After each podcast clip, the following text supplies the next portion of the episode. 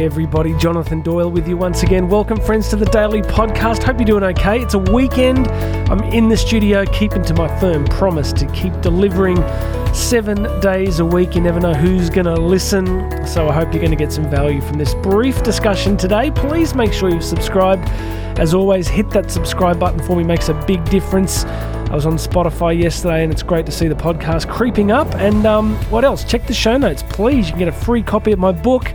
You can book me to speak, and you can get across to the YouTube version as well. So I put those links in the podcast show notes. So if you want to find out any more information, if you want to do coaching with me personally, if you want to book me to speak live, all of those links are there. So go check them out today, friends. I'm going to share with you a really great, great, a great. I'm going to share with you a great.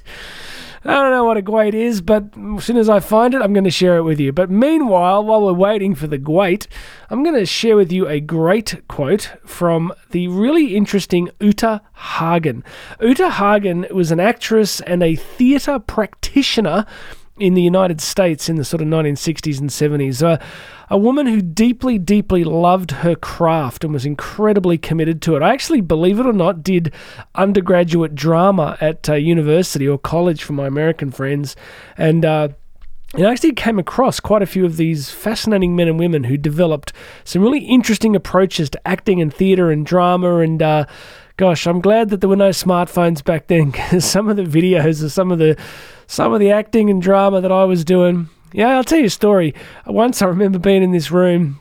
And if you've met me in person, I'm a bit of a kind of guy's guy in a sense, right? Like I do a lot of weights, I'm kind of into that sort of stuff. And picture me in an undergraduate drama classroom. This really happened. And they had this uh, amazing lady who'd come all the way from Canada and she was teaching um, movement theory. and I'm not making this up. I'm sitting there.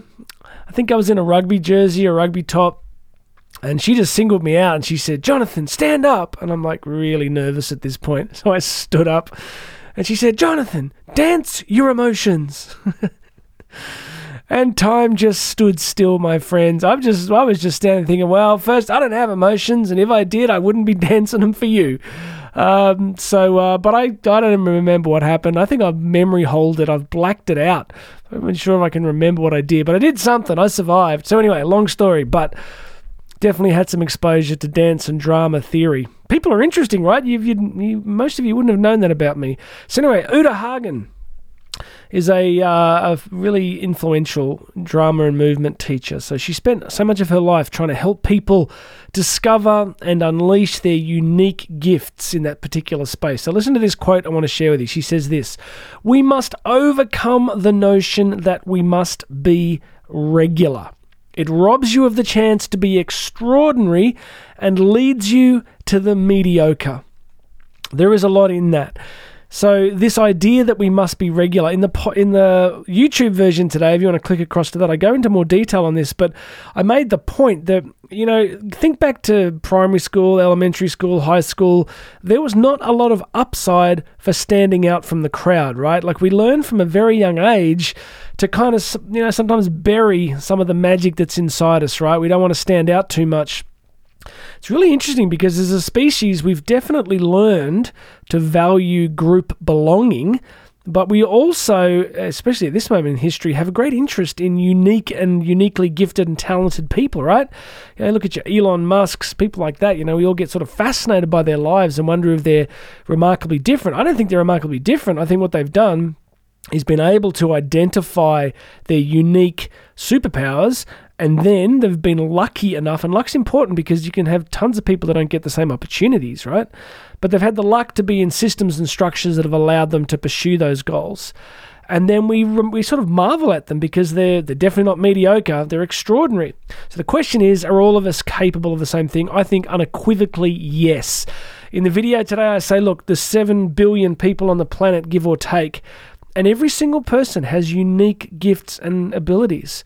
You know, I'm thinking of that um, amazing motivational speaker, Nick, I can't remember his last name, who was born with a rare condition and did not have arms or legs. Some of you will know exactly who I'm talking about. And he's gone on to be one of the most brilliant motivational speakers. You know, he's just had a massive impact. So, despite the limitations, he was still able to identify these unique gifts and talents inside him. So, I just truly believe that every single one of us has these unique capacities and abilities. So I want to say to you today, are you in touch with your unique gifts and abilities? Do you do you hide them? Have you did you make a bargain years ago to kind of not really be who you really are and sort of hide some of that stuff? Look, we've all got you know commitments. We've all got uh, you know expectations upon our lives, things that we have to do, but we need to try and make sure that that doesn't allow us to bury that unique and unique giftedness that's inside every single one of us. So, my message for you today, my friend, is as you go through the day, I want you to start thinking about this. When you start meditating a bit upon this idea, are you being regular? Have you lost your chance to be extraordinary? Are you are you feeling that things are a bit mediocre because it's no one's fault, but there's always time, right? There's always time. While you've still got breath, there is still chance to check in with yourself to reconnect to those special, unique gifts and abilities that have always been there and that the world still desperately needs to receive from you. Okay? So, in cosmic history, there has never been another one of you, and there will never be another one of you. So let's not be mediocre. Let's go for the extraordinary. This is not arrogance. This is not pride. This is simply living the fullness of who you were created to be. In the video, again, I talk about my kids. I say, I'm a parent. One of the coolest things you experience as a parent is seeing your kids pursue and develop their unique gifts and abilities. You don't want your child to look exactly the same as everybody else. You're looking for difference. So that's the message today. I hope it's an encouragement to all of you. Make sure you've subscribed. Hit that subscribe button. I'd love if you could share this with people. My name's Jonathan Doyle. This has been the Daily Podcast, and I'm going to be talking with you again tomorrow.